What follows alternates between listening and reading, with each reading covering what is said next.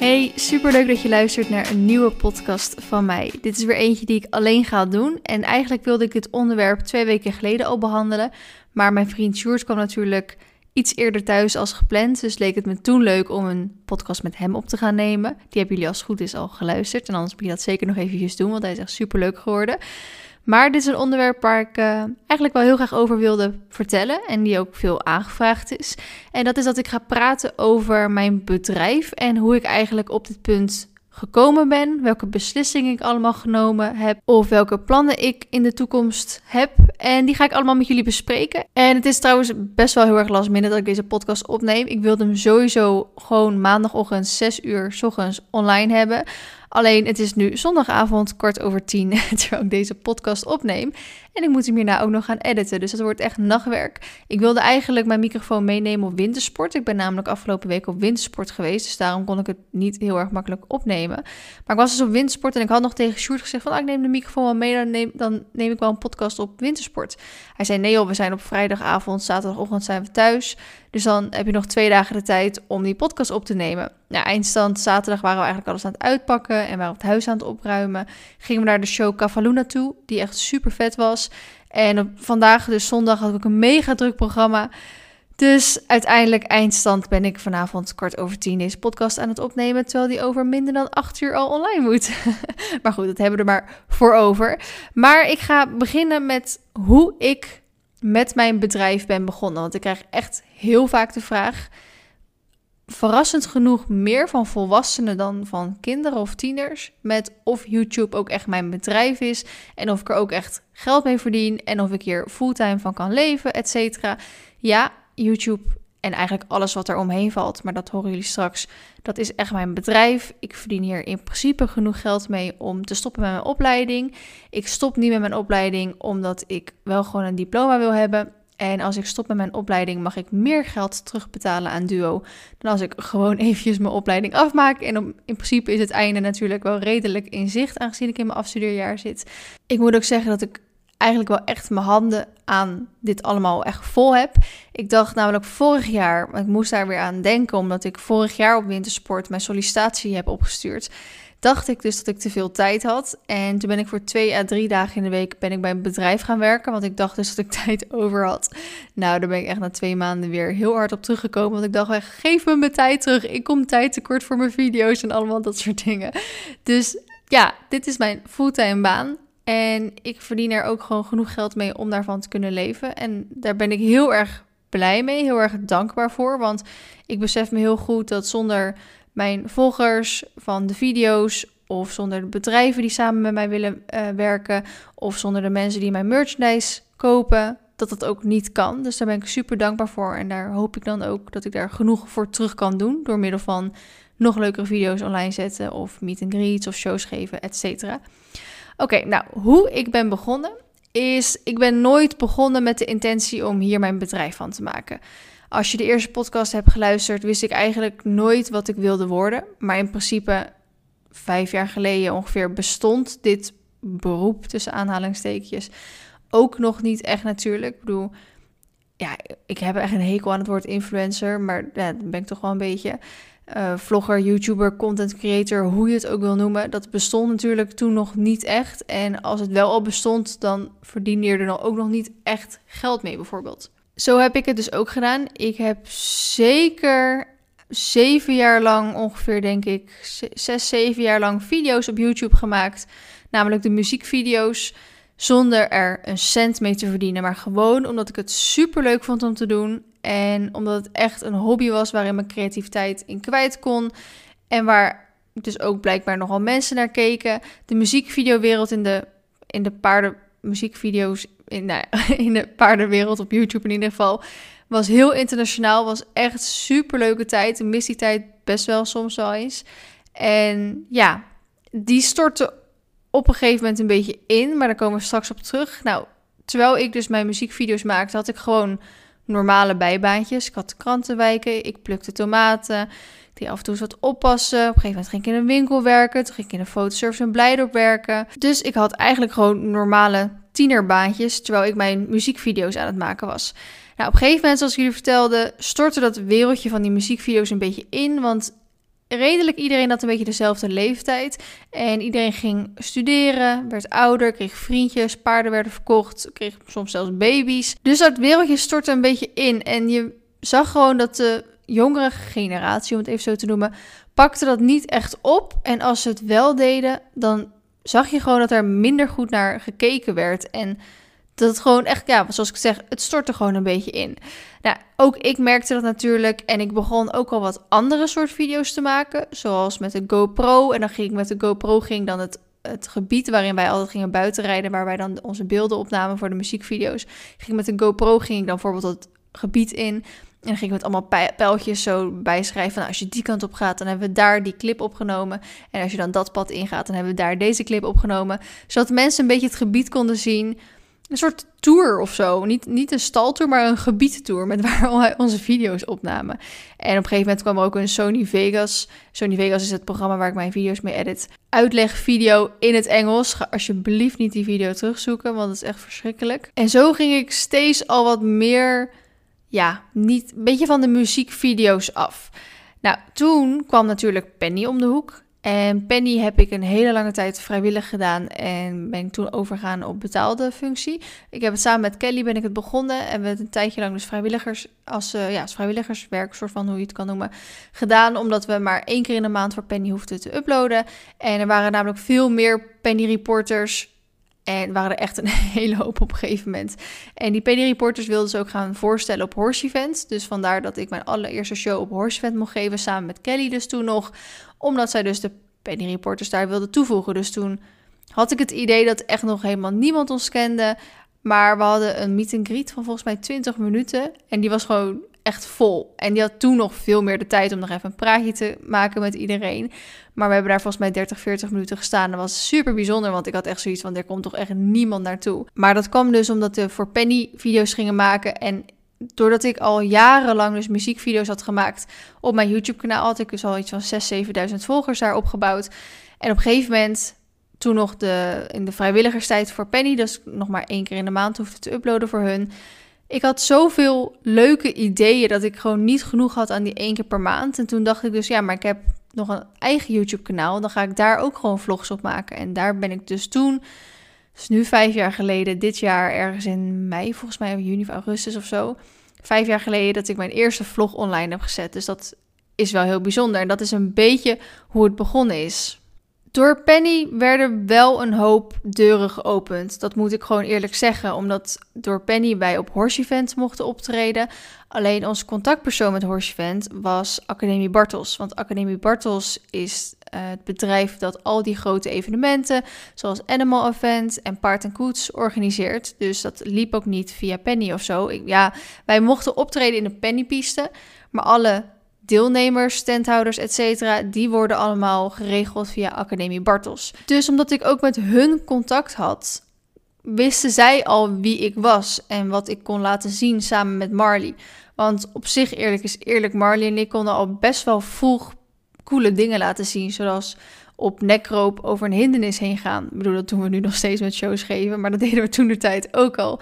Dus dat was wel gewoon al best wel bijzonder. Dus dan onthouden ze je naam wel, zeg maar. Nou, niet alleen via Penny kon ik op evenementen shows geven, maar ik gaf mezelf ook op voor clinics. En ik bezocht zelf ook heel veel evenementen. Dus ik vond evenementen heel leuk om naartoe te gaan en om aan deel te nemen. Zo heb ik aan een evenement in Houten was dat toen, paard en nog iets. Dat was terug van weg geweest. En daar deed Lambert Lazur, was dat volgens mij.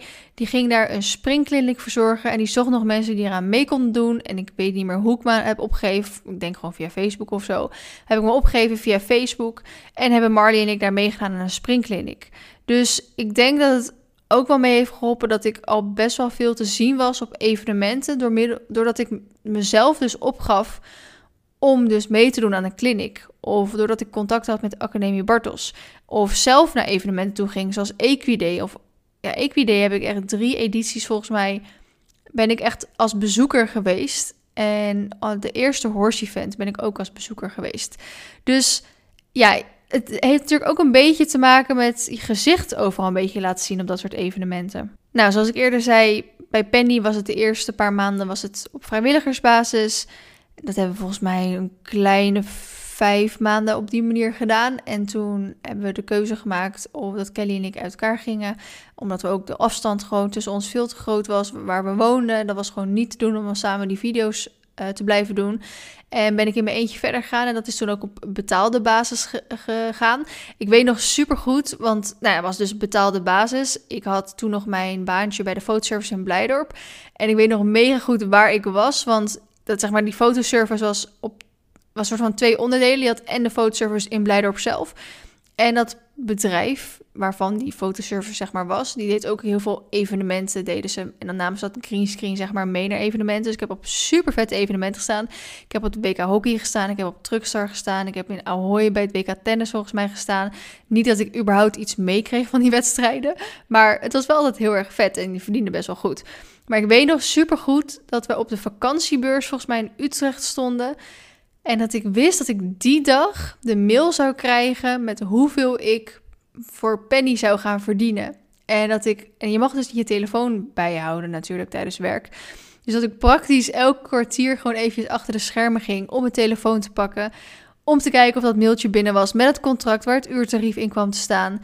En ik had, kijk het ding is, als je altijd in loondienst hebt gezeten. En dan is volgens mij hoe oud was ik toen? 17 of 18 of zo. Dan is volgens mij een tarief van 8 euro heel erg normaal. Dus ik zat zelf een beetje in, in mijn hoofd met, nou ja, weet je, 10, 15 euro. Zou wel super vet zijn als ik zoiets zou krijgen ervoor. Alleen waar ik even een soort van geen rekening mee had gehouden, is dat ik als freelancer werd ingehuurd voor Penny. En als freelancer krijg je veel meer geld dan dat je bij iemand in loondienst gaat. Want je moet zelf in één keer je belasting doen, je moet zelf je pensioen regelen, je moet alles zelf doen. Dus je uurtarief is veel hoger. Dus mijn uurtarief was in één keer vet hoog. En ik sloeg echt stel achterover toen ik dus las met wat mijn uurtarief toen werd. En toen dacht ik echt, oh my god, ik ga echt rijk worden. nou goed, dat dacht ik dan weer niet. Maar ik dacht echt, oh, wat is dit veel. En later had ik het met de vriend van mijn zuster over. En die zei van, nou, wow, wel oké. Dus ik zou wel oké. Weet je hoe kapot veel dit is? Maar hij zei, ja, maar het is een uurtarief van een freelancer. En dan is het, nou, voor jouw leeftijd is dat best leuk. Maar het is niet super, super, super veel of zo. Nou goed, voor mij toen de tijd was dat heel veel. Ik heb toen ook per direct mijn baantje bij de fotoservice opgezet opgezegd. Want ik had zoiets, ja, ik moet toch elke week een video voor Penny maken tegenover dat uurtarief. Kom maar binnen, dan ga ik niet meer naar de fotoservice toe, want daar ging ik gewoon voor 8 euro per uur foto's maken. Dus ja, dat waren mooie tijden. Ik deed niet alleen mee aan clinics waarin je jezelf kon opgeven of waar Academie Bartels mij voor vroeg of ik daar dus een show wilde geven, maar ik deed ook mee met fotomeetings. Dat is volgens mij nu nog steeds wel een beetje een ding. Maar vroeger was dat volgens mij wel net wat meer. Die fotomeetings werden toen op Bokt geregeld. Nu wordt het volgens mij vooral via Instagram geregeld. Facebook misschien ook wel een beetje. Bokt zou ook nog steeds wel zijn. Maar via Bokt kon je opgeven voor fotomeetings. En dat heb ik ook een paar keer gedaan. En dat was dan weer heel handig. Want dan kon je altijd weer mooie foto's krijgen. dus ja, je moet toch wel een beetje slim, denk ik, nadenken. Van oké, waar kan ik aan meedoen? En wat voor voordeel hou je eruit? En fotomeetings was altijd leuk om mee te doen. En je kreeg er mooie foto's voor terug. Ik denk dat een van de belangrijkste dingen, en ik denk nog wel de. Nee, ik weet wel zeker dat dit het belangrijkste is van het ondernemen. Nou, ik denk, het zal misschien niet in elke sector zo zijn, maar in mijn sector vind ik in ieder geval wel, is dat je contacten moet gaan leggen. En Klinkt heel moeilijk, maar eigenlijk lopen al mijn contacten gewoon vanzelf. En dat komt puur omdat ik mijn hoofd, mijn gezicht, mijn hoofd klinkt zo stom, mijn gezicht laat zien op evenementen, met mensen praatjes ga doen, uh, mensen mij voorstellen aan weer andere mensen, zelf contact met mij opnemen. En ik er eigenlijk altijd gewoon ja voor zeg, want je weet nooit wat voor deal, wat voor afspraak, wat voor nieuwe mensen je weer leert kennen door een bepaalde contactpersoon. Ik weet nog, super grappig, dat was dus helemaal aan het begin. Toen had ik een samenwerking voor Frisian Proms. Toen ben ik twee keer volgens mij langs geweest om het een beetje te promoten, om de kaartverkoop van Frisian Proms een beetje te promoten. Toen zaten we daar op het VIP-deck. Ik had Sjoerd meegenomen. En degene die naast ons zat, was de directeur van het NOC-NSF. Financieel directeur volgens mij. Dus de directeur van de Olympische Spelencommissie van Nederland. Die zat naast ons op de VIP-tafel. En hij vroeg dus op een gegeven moment van, nou, wie ben je en wat doe je hier? En dus nou, vertelde hij wat hij deed. Dus, oh, heb je een kaartje voor me? Nou, wie weet, misschien kunnen we een keer wat leuks doen samen. Nou, dat is nooit meer wat geworden. Ik ben dat kaartje ook echt kwijtgeraakt. Maar ik heb hem wel op Facebook en hij lijkt mijn post. Dus hij weet vast nog wel wie ik ben. Maar ik denk dat contacten gewoon echt wel... Ja, gewoon echt het belangrijkste is wat, ja, wat je kan hebben en waar je van goed in moet zijn. Of waar je een beetje, nou, misschien niet echt per se je best, maar nou, misschien als je er niet zo goed in bent. Of het komt je allemaal niet zo aanwaaien, dat je dan een beetje je best doet. Ik moet zeggen, mij kwam het redelijk allemaal aanwaaien. Ik ben eigenlijk altijd wel van het een en het ander gerold. Ik heb natuurlijk super hard voor gewerkt, maar ja, zou ik zeggen, ik ben altijd wel van het een en het ander gerold, doordat ik altijd gewoon de goede keuzes heb gemaakt. Maar bijvoorbeeld, nog zo'n voorbeeld is, ik leerde Madeleine kennen. Ik weet oprecht ook weer niet hoe ik haar heb leren kennen. Dat is ook al jaren terug. Ik, zal vast wel gewoon via YouTube of Instagram of zo zijn. En Madeleine liep dan weer stage bij Countermail. En die zei dus tegen Countermail van... joh, Vline Hoi, dat is een grote YouTuber, grote Instagram. Je zouden echt iets met haar samen moeten gaan doen. Nou, zo kwam ik bij Countermail terecht. Dus zoveel dingen kwam ik via via terecht omdat ik gewoon de juiste mensen leerde kennen en de contacten hebben gelegd. Nou, in het begin, toen ik dus een beetje door begon te krijgen dat ik wat bekender werd en dat mensen ook gingen onthouden wie ik was en mijn naam wat vaker ja, lieten vallen, ging ik zelf op een gegeven moment um, merken mailen van of ze dan iets met mij samen wilden doen. Ik heb volgens mij best wel veel, nou niet eens vijf tot tien of zo merken heb ik in het begin gemaild. En toen had ik volgens mij nog maar 10.000 volgers of zo. En ik heb van, ja, ik heb 10.000 volgers. Ik weet nog. oh my god, zeg stom voor al dit. Ik heb zelfs een autobedrijf gemaild met een auto. Ik wil toen een auto kopen. En ik heb dus toen gemaild. Ja, ik heb 10.000 volgers. En uh, misschien willen, we wat samen doen met die auto. Bla bla bla. Ik dacht, als ik nu erop terugdenk. De mensen, influencers die, die sponsordeals hebben met automerken. Dat zijn echt influencers die bijna een half miljoen volgers hebben. En dan kom ik aan met mijn 10.000 volgers. Maar goed, niet geschoten is altijd mis. Dus leuk dat ik het probeerde. Ik kreeg heel netjes een antwoord terug dat het niet ging gebeuren. Maar oké, ik heb het geprobeerd. Maar een van de bedrijven die bijvoorbeeld wel op mijn mailtje antwoordde was QAP. En dat gaat dus nu al vier jaar terug ongeveer. En ik heb gewoon tot op de dag van vandaag nog steeds contact met QAP en nog steeds samenwerking met QAP. En dat begon gratis, want in het begin, als je klein bent, dan vind je het superleuk om dingen gratis te krijgen.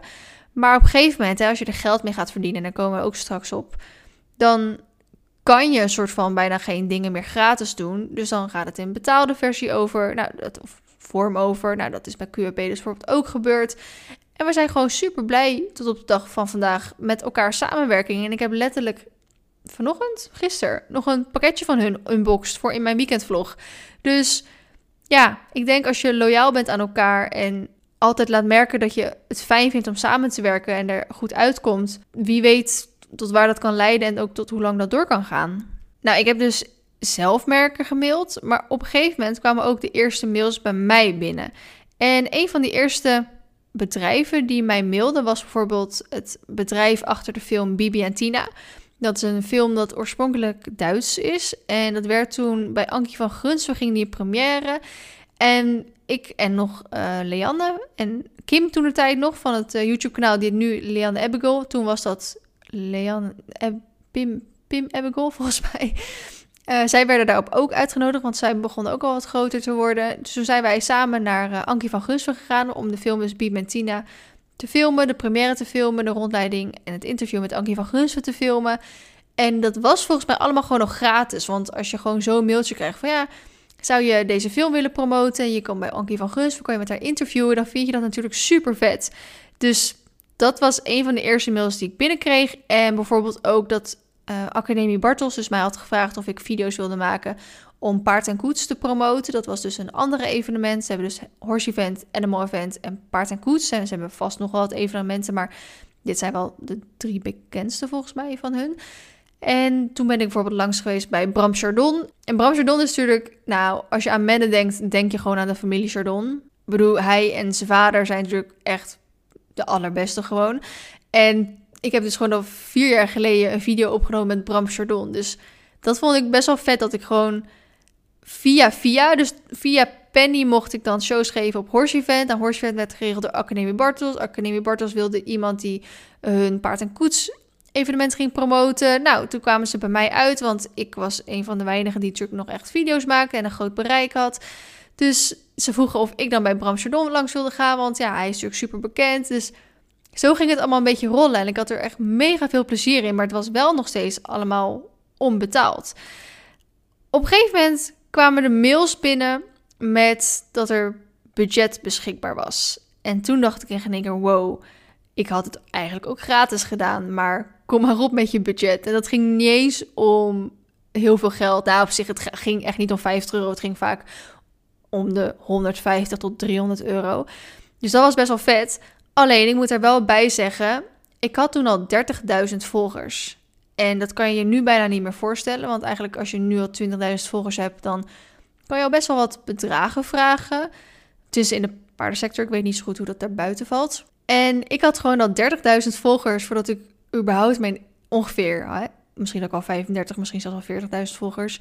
Toen ik mijn eerste betaalde samenwerking kreeg, was echt bizar. Dat ging over Frisian Proms dus. Dus voor Frisian Proms was ook een evenement. Was een niet van Academie Bartels, maar ja, die zag dus, dat is dus een beetje van je gezicht laten zien of, of meerdere dingen doen. De organisatie achter Frisian Proms had dus gezien dat ik video's maakte over paard en koets en dat ik vaker naar evenementen toe ging.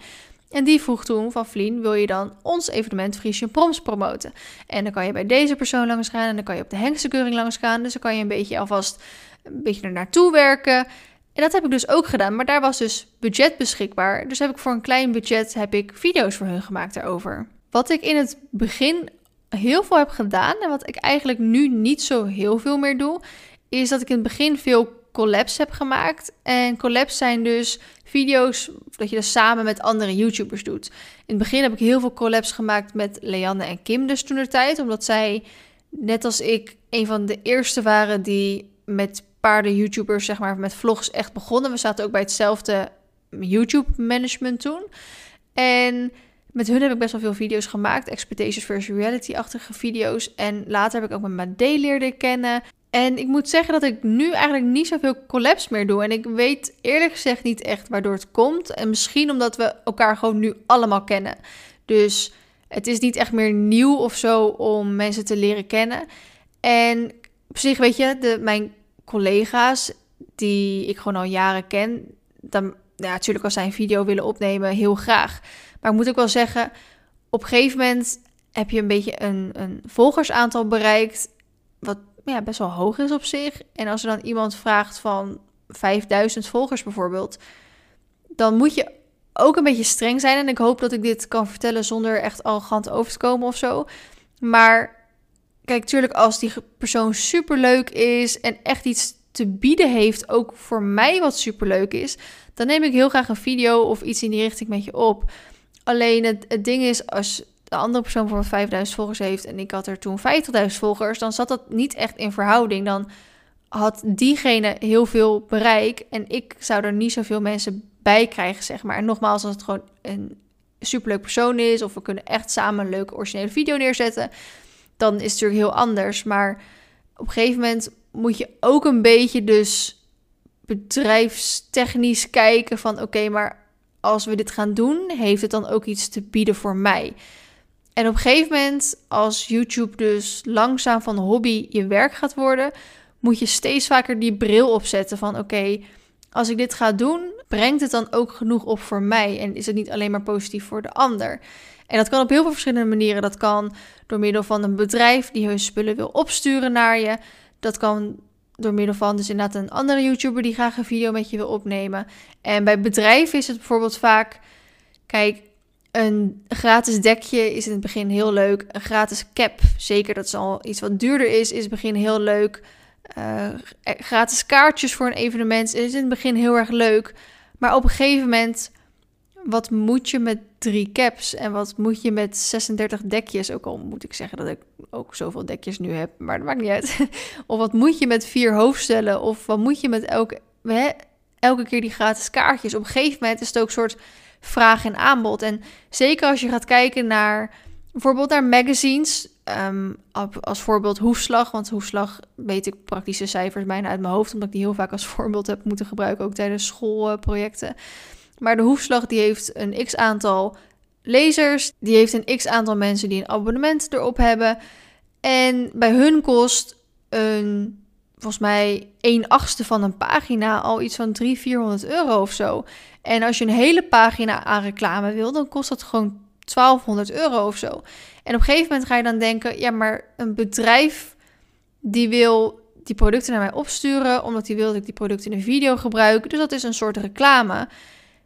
Dus dan mag je er eigenlijk ook voor gaan betalen. Want uiteindelijk, of de hoefslag nou 30.000 lezers heeft, of ik heb 30.000 weergave op mijn video. In de hoefslag, of elk ander tijdschrift natuurlijk, staat er een plaatje van dat product. En er staat er een tekstbeschrijving bij. En vaak ook nog wel een linkje naar de website waar je hem kan vinden. Maar in mijn video gebruik ik het product en laat ik het vanuit alle kanten zien. En vertel ik wat er zo fijn eraan is. En praat er een paar minuten over. Dus eigenlijk is dat juist nog veel meer waard. En dan begin je natuurlijk een beetje over dat influencen. Dat je echt mensen, kijkers aan het influencen ben om ook dat product te gaan kopen of te gebruiken of wat dan ook. Oké, ik dwaal een beetje af. ik had het over die collabs.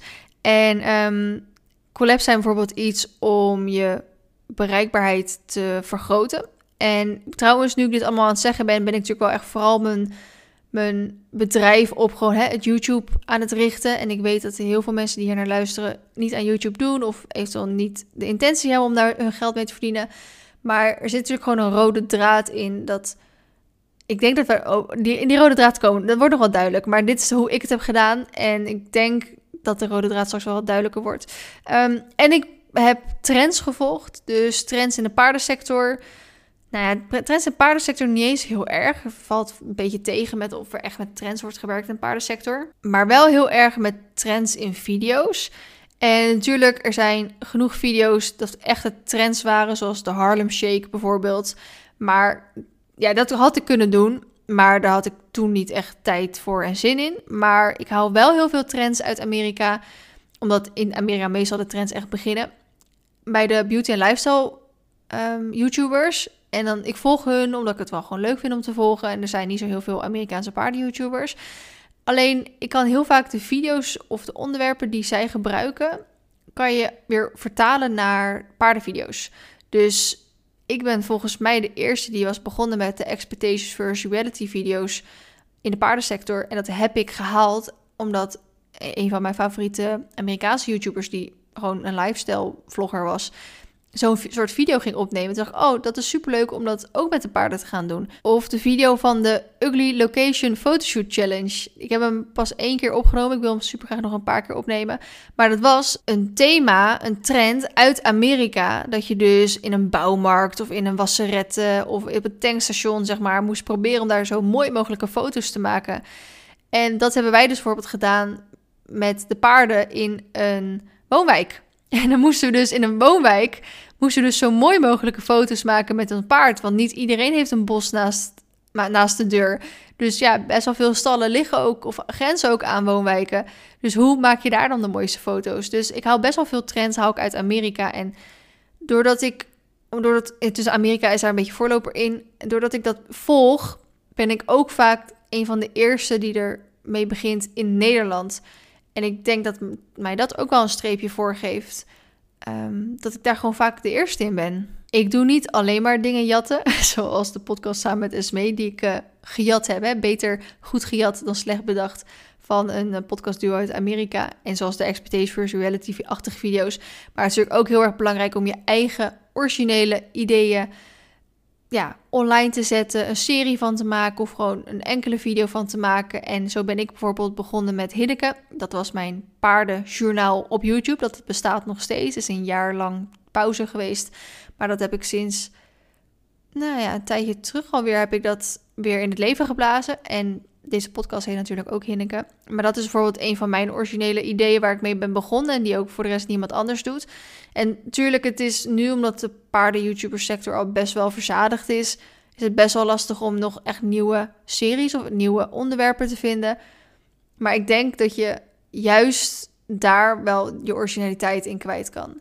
Dus dat is wel wel goed om naar te kijken. Oké, wat heeft iemand nog niet? En dan kijk ik vooral met wat mis ik eventueel.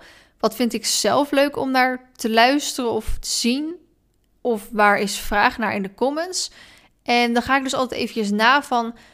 Oké, mis ik dus nu iets? Kijk, de markt is best wel verzadigd. Dus weet je, dat soort video's hoef ik niet meer op te nemen. Want daar zijn er al zoveel van.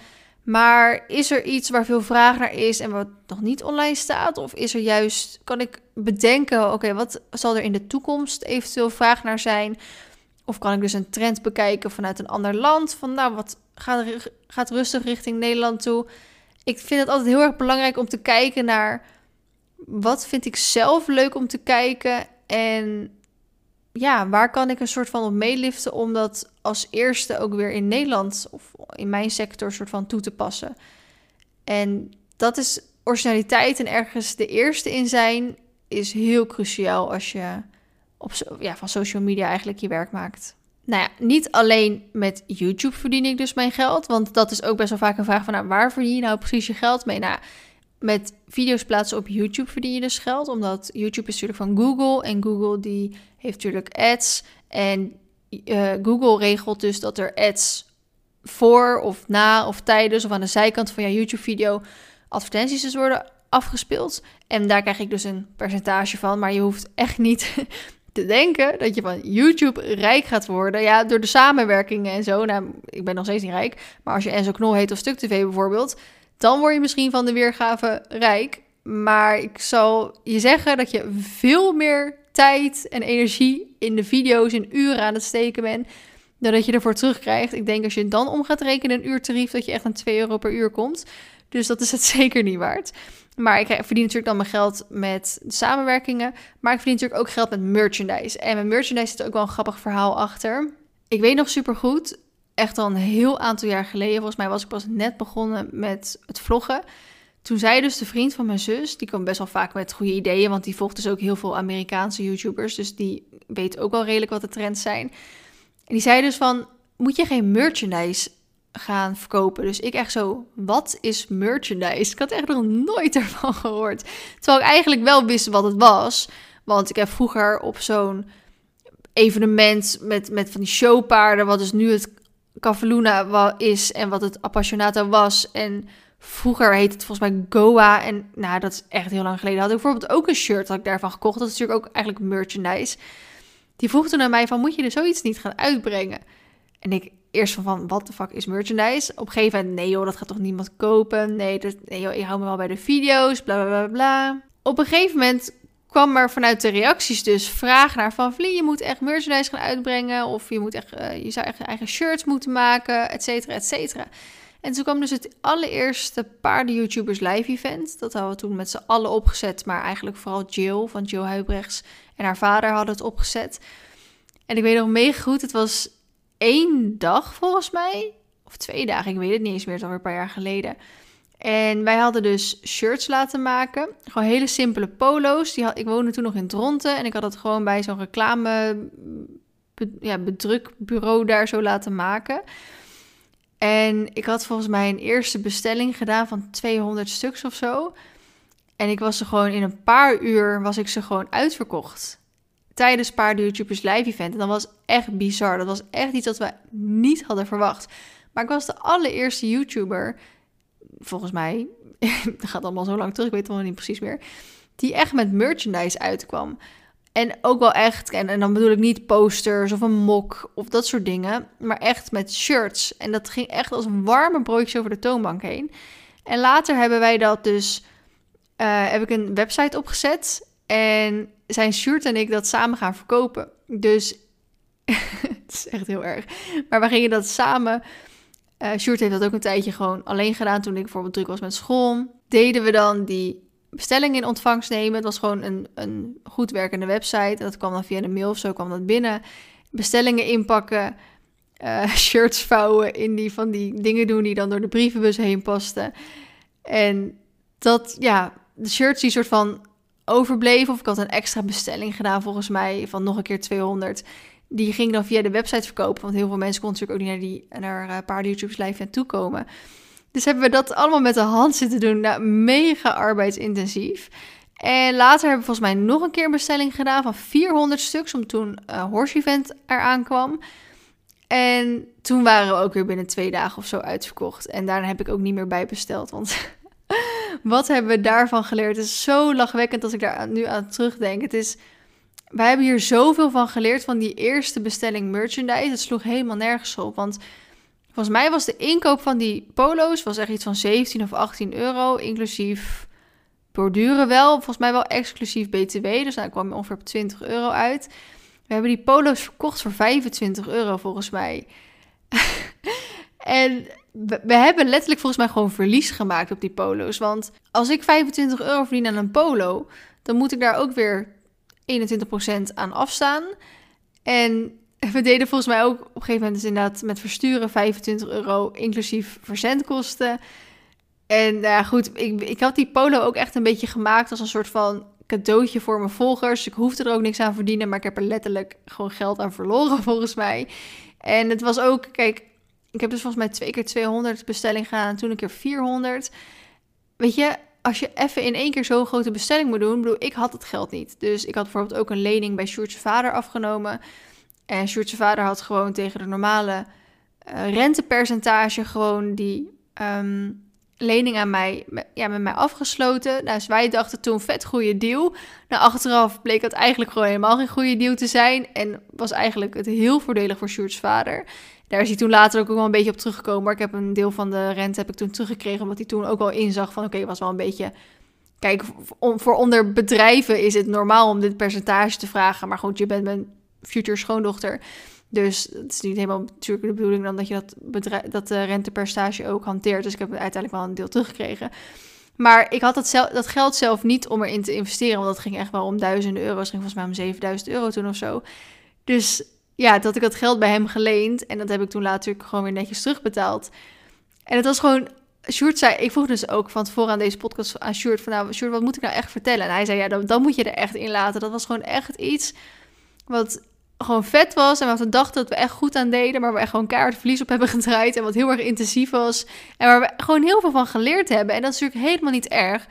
Want leren hoort het ondernemen, het überhaupt het leven is sowieso natuurlijk één groot leerproces. En vallen en opstaan hoort er nou eenmaal gewoon bij. Ik ben nooit echt hard gevallen, ik ben nooit echt hard op mijn bek gegaan. En dan bedoel ik het natuurlijk even theoretisch en niet praktisch. Ik ben vaak zat hard op mijn bek gegaan, praktisch. Maar dat hoort er natuurlijk gewoon bij. En dat is helemaal niet erg, want daar leer je alleen maar weer van. Nou ja, ondertussen was de merchandise. Ik weet niet eens meer hoe het precies verder ging. Ik heb, ging volgens mij op een gegeven moment truien ook doen, omdat het winter werd. En ik had echt bij super veel bedrijven, bij denk ik precies van 14 bedrijven, had ik samples opgevraagd.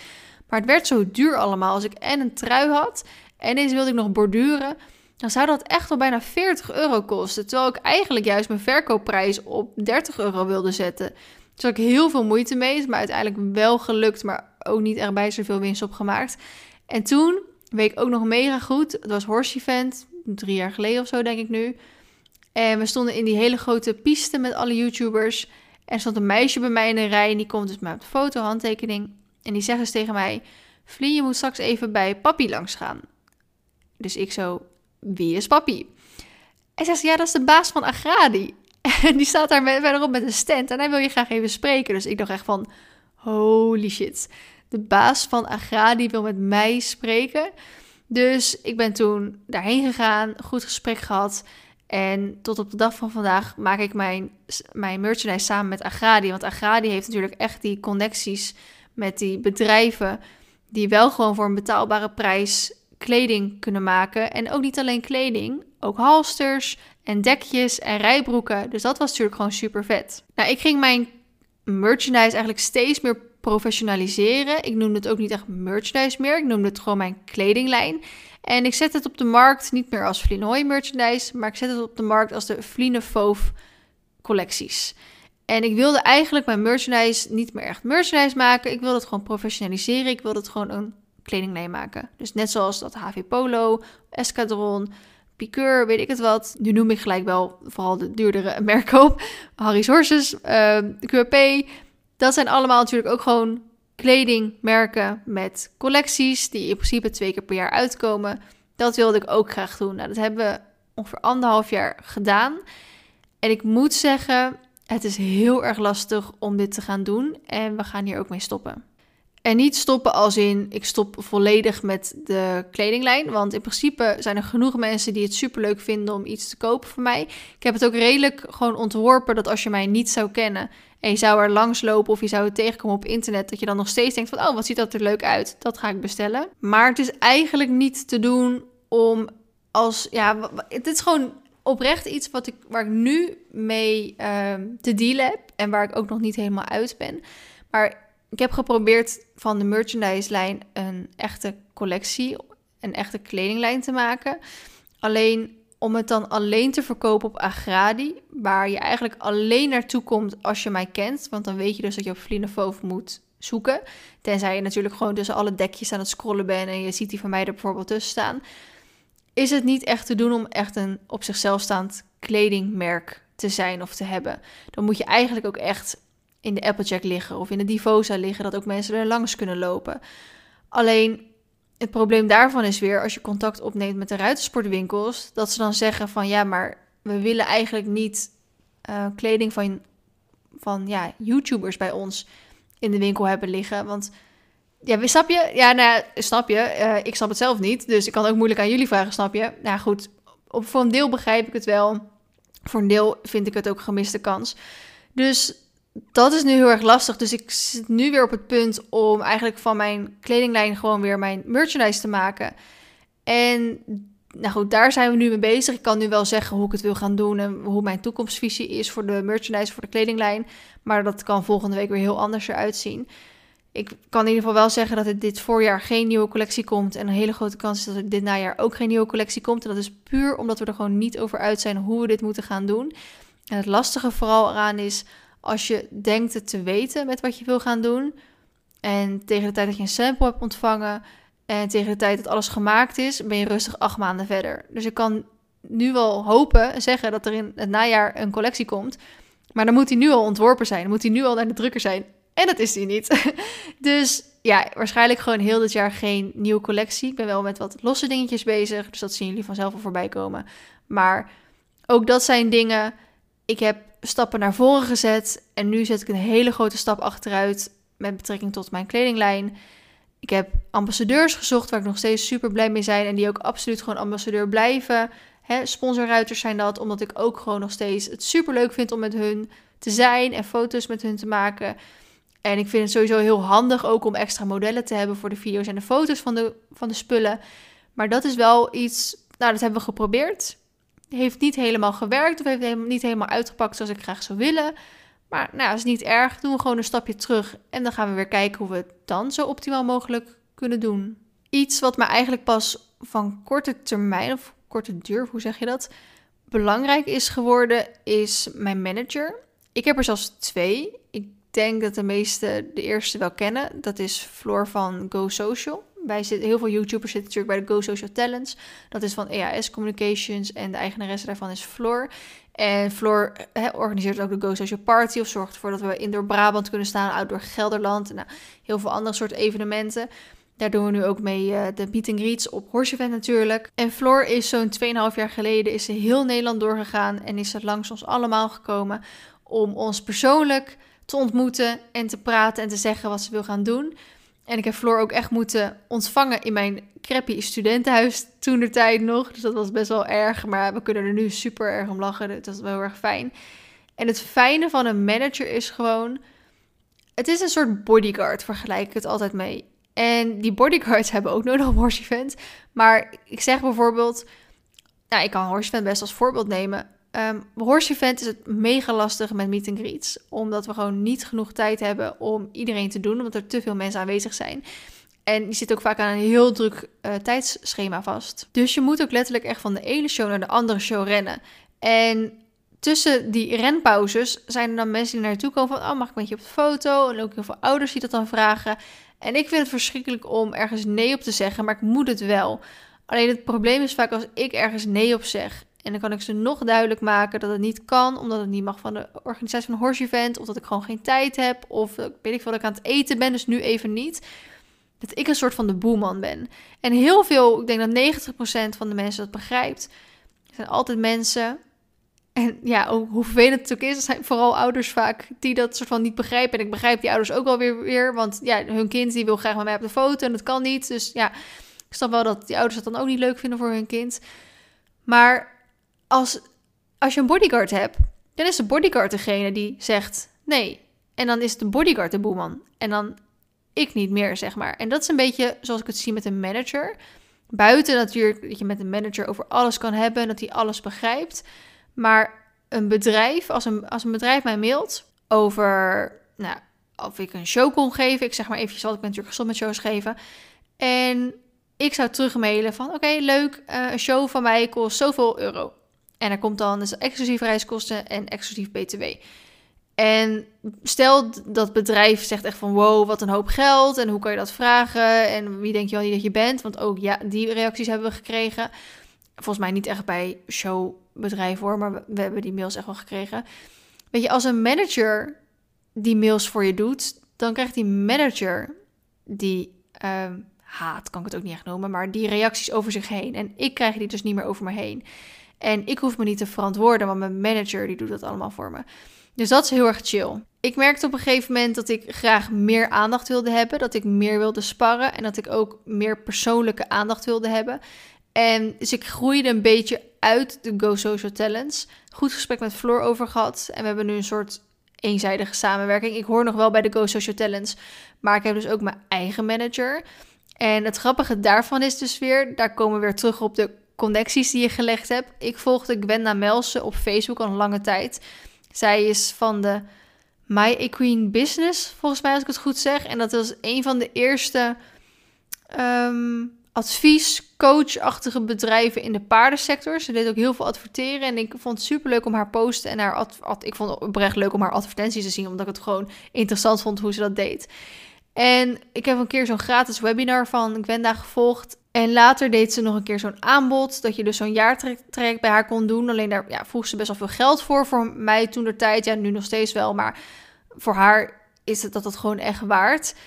En toen zei ze ook van nou vriendin, ik denk dat dit echt perfect voor jou zou zijn om dit traject bij jou bij mij te volgen. En toen zei ik ja, het is oprecht perfect. Alleen ik heb dat geld er gewoon niet voor. Dat, geld heb ik gewoon niet. En toen zei ze van, nou, anders doen we gewoon even een vrijblijvend telefoongesprek. En dan kan ik even met je kijken met waar ik je eventueel gewoon zo via de telefoon al mee kan helpen.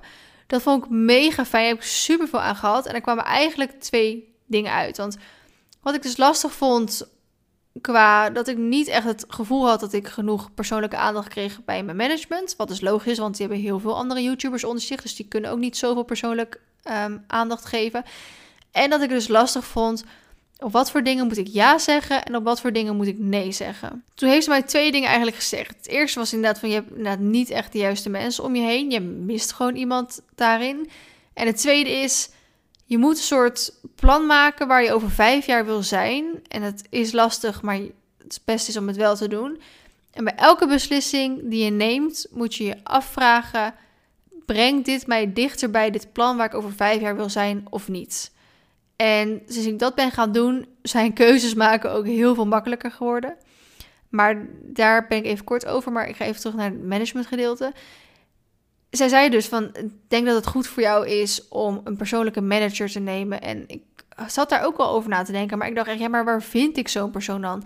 Ik ken natuurlijk zelf al best wel veel mensen in de paardensector, maar ik had niet echt iemand waarvan ik dacht, nou, die zou er echt geschikt voor zijn of die, die past daar echt bij. Want het lastige is gewoon, je moet en eigenlijk wel verstand hebben van paardensector. En je moet verstand hebben van marketing. En je moet ook een liefst een beetje verstand hebben van het YouTube-wereldje met hoe dat dan precies werkt. Want het werkt ook weer net wat anders dan het normale marketingwereldje. Ik wilde eigenlijk ook liefst iemand die dichtbij mij woonde, zodat we makkelijk konden afspreken en niet super ver hoefden te reizen naar elkaar. Uiteindelijk heeft dus Gwenda mij een, um, iemand doorgestuurd. Miranda heet zij. En Miranda volgde dus wel dat traject bij Gwenda. Of die zat in ieder geval in haar, in haar contact, contactenlijst weer. En die zei: Ik denk dat ik de, de geschikte kandidaat heb gevonden om manager voor jou te zijn. Het is iemand die mega veel van marketing houdt, mega veel van onderhandelen houdt. En als ik, ik vind marketing superleuk, maar ik vind onderhandelen verschrikkelijk. uh, die daar echt een soort kick van krijgt. Die zit in de paardensector, die heeft haar eigen bedrijf. Uh, ze woont niet bij jou in de buurt, maar ja, dat is op zich niet heel erg. Dus ik dacht, nou oké, stuur maar door, gaan we een keer bellen. Toen heb ik dus super lang met Miranda aan de telefoon gehangen. We hebben een keer gesproken in het echt. Toen heeft ze gevraagd, nou wat wil je graag, waarmee kan ik je helpen? En ondertussen zijn we volgens mij nu al een jaar of anderhalf jaar verder. En is Miranda nog steeds mijn manager. Ik ben nog steeds mega blij mee. In het begin moest ik best wel even wennen. Ik ben natuurlijk jarenlang gewend om alles in mijn eentje te doen. En nu moest ik een soort van dingen uit handen geven. En ook al wilde ik het wel heel graag, vond ik het heel lastig om te doen. En ik merkte dat ik best wel veel mailtjes gewoon nog steeds zelf deed. Best wel veel onderhandelingen waarvan ik dacht, ah, oh, deze kan ik wel gewoon zelf doen. Dan deed ik die ook gewoon zelf.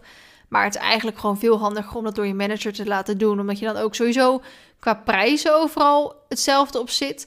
Maar dat er altijd dezelfde contactpersoon is. En de manager kan er sowieso altijd net wat meer uithalen dan dat jij eruit kan doen. Maar er wordt ook alles gewoon goed geregeld. In contracten wordt er gezet. Alles wordt mooi zwart op wit gezet. En zoals ik zei, Miranda is een soort van mijn bodyguard. Dus als er iets niet goed is, dan komen ze daarmee naar Miranda. En dan zegt Miranda, Joffelien, je moet dit en dit even doen. En dan is het wel goed. En dat is gewoon echt iets waar ik heel erg blij mee ben. En waar ik nog wel een beetje in moet leren. Maar we moeten ook een soort van samen leren. Want Miranda kende dus niet de hele YouTube-wereld. Aan de andere kant moest ik het ook een soort van accepteren. Want er zijn niet zoveel marketingmensen van een al wat hogere leeftijd. Die dus veel snappen van YouTube. Want YouTube-influencer is natuurlijk pas iets van de laatste jaren. Dus dat was ook helemaal niet vanuit hun tijd of zo. Dus dat kan ik ze ook niet kwalijk nemen. maar Miranda doet het supergoed. En ik ben ook nog steeds heel erg blij met Floor. Dus ik denk dat ook gewoon heel erg belangrijk is om de juiste mensen om je heen te hebben staan. En dan komen we een beetje bij het investeren gedeelte. Investeren in twee dingen. Aan de ene kant investeren aan goede apparatuur.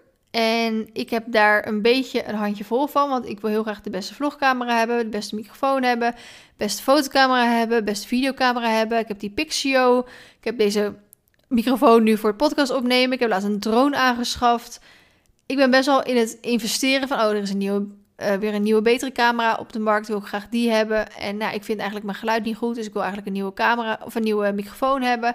Nou, dus het lijkt me best wel vet om ook af en toe drone shots ertussen te hebben, want dan kan ik weer de kwaliteit van mijn video's verbeteren.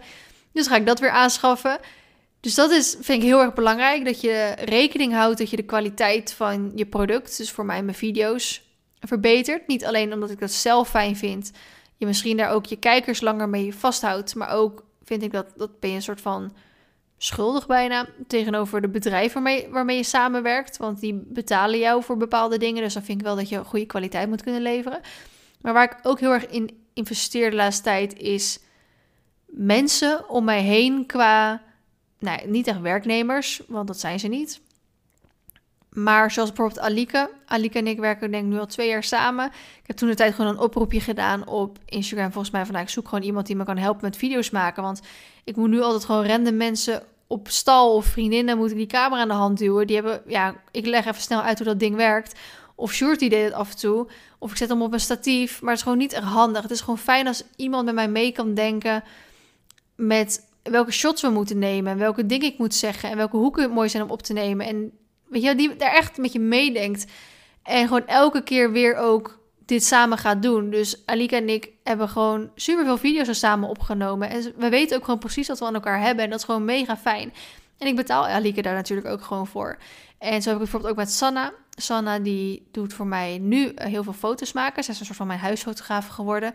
Ze woont ook gewoon in Ede, dus dat is heel chill. Als ik dan even een foto moet hebben voor een samenwerking of iets anders, dan uh, doet Sanne dat voor mij. En zij doet ook wat dingetjes achter de schermen op YouTube. Dus daar ben ik haar ook heel erg dankbaar voor. En ik wil eigenlijk wil ik iemand voor twee dagen in de week in dienst.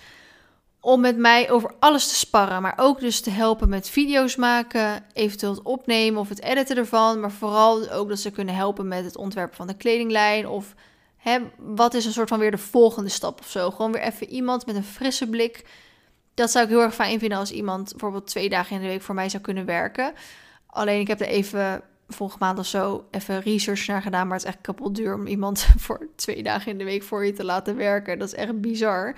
Je moet eigenlijk het, het salaris keer 160% ongeveer doen. En dat ben je kwijt aan iemand die twee dagen voor jou, of nou, vijf dagen maakt niet uit, in de week komt werken. En ik had bedacht als iemand 15 euro per uur zou verdienen, dan was ik echt iets van 1200 euro in de maand kwijt. Ik dacht echt, hallo, 1200 euro in de maand. Dat is echt bizar veel geld voor iemand die twee dagen per week voor mij komt werken. Dus daar ben ik nog niet helemaal over uit. Maar ik moet ook zeggen, ik wil eerst graag verhuisd zijn en een paar aan huis hebben.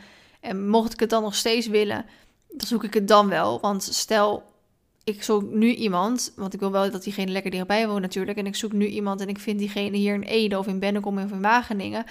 En we gaan straks in, weet ik veel, Apeldoorn of Putten of weet ik het wat waar wonen. Ja, dan is het weer super ver voor diegene. Dus ik wil daar, als ik het ga doen, wil ik er sowieso mee wachten. Maar dat zou eventueel de volgende stap voor mij kunnen zijn. Dat ik gewoon iemand voor twee dagen in dienst neem bijvoorbeeld. Ik denk dat we redelijk aan het einde zijn gekomen van hoe ik mijn bedrijf ben gestart en wat voor keuzes ik heb gemaakt. Ik wil wel graag nog even erbij zeggen dat ik het belangrijk vind om ook in mezelf te investeren. Dus ik ga nog steeds veel naar evenementen toe, maar dan nu meer qua lezingen, dus om meer kennis op te doen. Maar ik merk ook dat ik steeds wel meer als een ondernemer echt ga denken. Maar dat komt natuurlijk omdat YouTube echt begon als hobby. En ik vind YouTube nog steeds fantastisch. En ik ga er echt nog jarenlang mee door als dat kan. Alleen er hangen gewoon steeds meer dingen van af. Ik bedoel, ik moet de paarden ervan betalen. Ik moet mijn auto ervan betalen. Ik moet mijn huur ervan betalen. We gaan straks een huis kopen. Ik moet de bank kunnen overtuigen dat dit wat ik doe, dat ik daar mijn geld mee verdien. En dat dat de komende jaren ook nog wel zo zal doorgaan. Of hopelijk natuurlijk gaat stijgen. Dus ik moet ook eigenlijk verdienmodellen in dingen gaan zien. En dat ga ik steeds makkelijker doen. En dan kom ik er niet eens altijd zelf, zelf per se op. Maar soms is het ook gewoon de vraag. Ik doe bijvoorbeeld nu betaalde buitenritten. Dat zijn vaak verjaardagsbuitenritten. En eigenlijk is het heel iets simpels. Maar je kan er zoveel mensen blij mee maken. En het is super speciaal om op Marley een buitenrit te mogen doen. Samen met mij krijg je een rondleiding. Dan gaan we samen twee, drie uur buitenrit. Heb je echt gewoon een halve dag één op één aandacht. En dat, ja, als je gewoon vanuit een ondernemer denkt, is dat super logisch dat je daar geld voor vraagt. En ik geef ook wel zoiets een keer weg in een winactie met die gouden enveloppen met de magazines toen. Um, je, je gaat gewoon steeds iets meer denken als een ondernemer. En het lastige is gewoon ik ben mijn eigen bedrijf. Dus soms is het ook wel eens lastig om na te denken: oké, wat doe je als mens? En wat doe je als bedrijf? Welke beslissing neem je als mens? Welke beslissing neem je als bedrijf? Maar ik hoop dat ik jullie wel een beetje een kijkje heb mogen geven in hoe ik mijn onderneming heb gestart. Ik ben ook gewoon bij de KVK ingeschreven. En hoe ik met ja, van het een eigenlijk een beetje in het ander gerold ben. En welke keuzes ik heb moeten maken en wat mij heeft kunnen helpen en hoe ik een beetje naar de toekomst kijk. Want hoe ik naar de toekomst kijk is dat ik het gewoon allemaal graag net ietsjes beter wil doen. Maar ook graag allemaal net wat meer wil stabiliseren. Zoals bijvoorbeeld met de video's. Ik doe tegenwoordig weekvlogs en dat bevalt me echt, echt honderd keer beter dan gewoon dagvlogs. Ik had eigenlijk een beetje een hard hoofd en ik dacht, nou, ik probeer het wel, maar het bevalt me echt super goed. Dus ik zou eigenlijk graag gewoon elke dinsdag dan een weekvlog willen uploaden. En dan bijvoorbeeld elke vrijdag een normale video. Alleen normale video's heb je niet altijd tijd voor. En het regent ook wel eens een keer. Of dan is er weer bij ons op stal een hoop lawaai. En ik ga bijvoorbeeld nu met Alike, spreek ik bijna elke donderdag weer af. Om dan een video te hebben. En bijvoorbeeld de podcast, die komt elke maandag online. Naar de kledingcollectie moeten we nu even gaan onderzoeken met hoe we dat nou precies gaan doen. En daar ben ik dus nu druk mee bezig. Naar de buitenritten ben ik nu druk mee bezig. Dus ja, ik vind het super enthousiast. Ik ben, super enthousiast over de toekomst. En zeker ook straks met, met het uh, paard aan huis hebben. En dan kunnen we kijken of we daar weer leuke dingen. Hè, dagjes bij mij op stal. Weet ik veel wat. Uh, lekker met de paarden tutten knuffelen. Wandelen, rijden. Rondleiding, et cetera. Misschien kan je daar dan weer een verdienmodel uit halen. En dat vind ik gewoon super leuk om te doen. Want ik ben gewoon heel erg blij dat eigenlijk gewoon mijn hobby mijn werk is. En dat voelt dus niet echt als werken. Ja, ik denk dat dat heel erg belangrijk is. En ik denk dat ik met deze mooie boodschap ook deze podcast ga afsluiten. Want hij is best wel een beetje lang geworden. Hij is al over het uur heen, zoals ik kan zien. Ik hoop dat het een beetje inspirerend was. En dat ik eventueel mensen wat soort van tips door mijn rode draad heen. Want uiteindelijk ja, heb ik natuurlijk wel mijn keuzes gemaakt op de YouTube paardensector. Maar uiteindelijk zijn heel veel keuzes die je maakt, juist de mensen om je heen hebben, investeringen, naar de toekomst kijken, wat gebeurt er om je heen. Dat is natuurlijk gewoon de rode draad voor elke ondernemer. Dus ik hoop dat jullie er wat aan hebben gehad en of het anders gewoon leuk vonden om te horen hoe ik het doe of hoe het er achter de schermen aan toe gaat. En ik denk dat ik daarmee de podcast ga afsluiten. Ik hoop dat jullie hem leuk vonden, interessant vonden. Laat me zeker even weten op Instagram DM wat je ervan vond. En dan zie ik jullie of spreek jullie heel graag de volgende keer weer samen met Esme, Dat we jullie weer advies gaan geven. Bedankt voor het luisteren. Doei doei!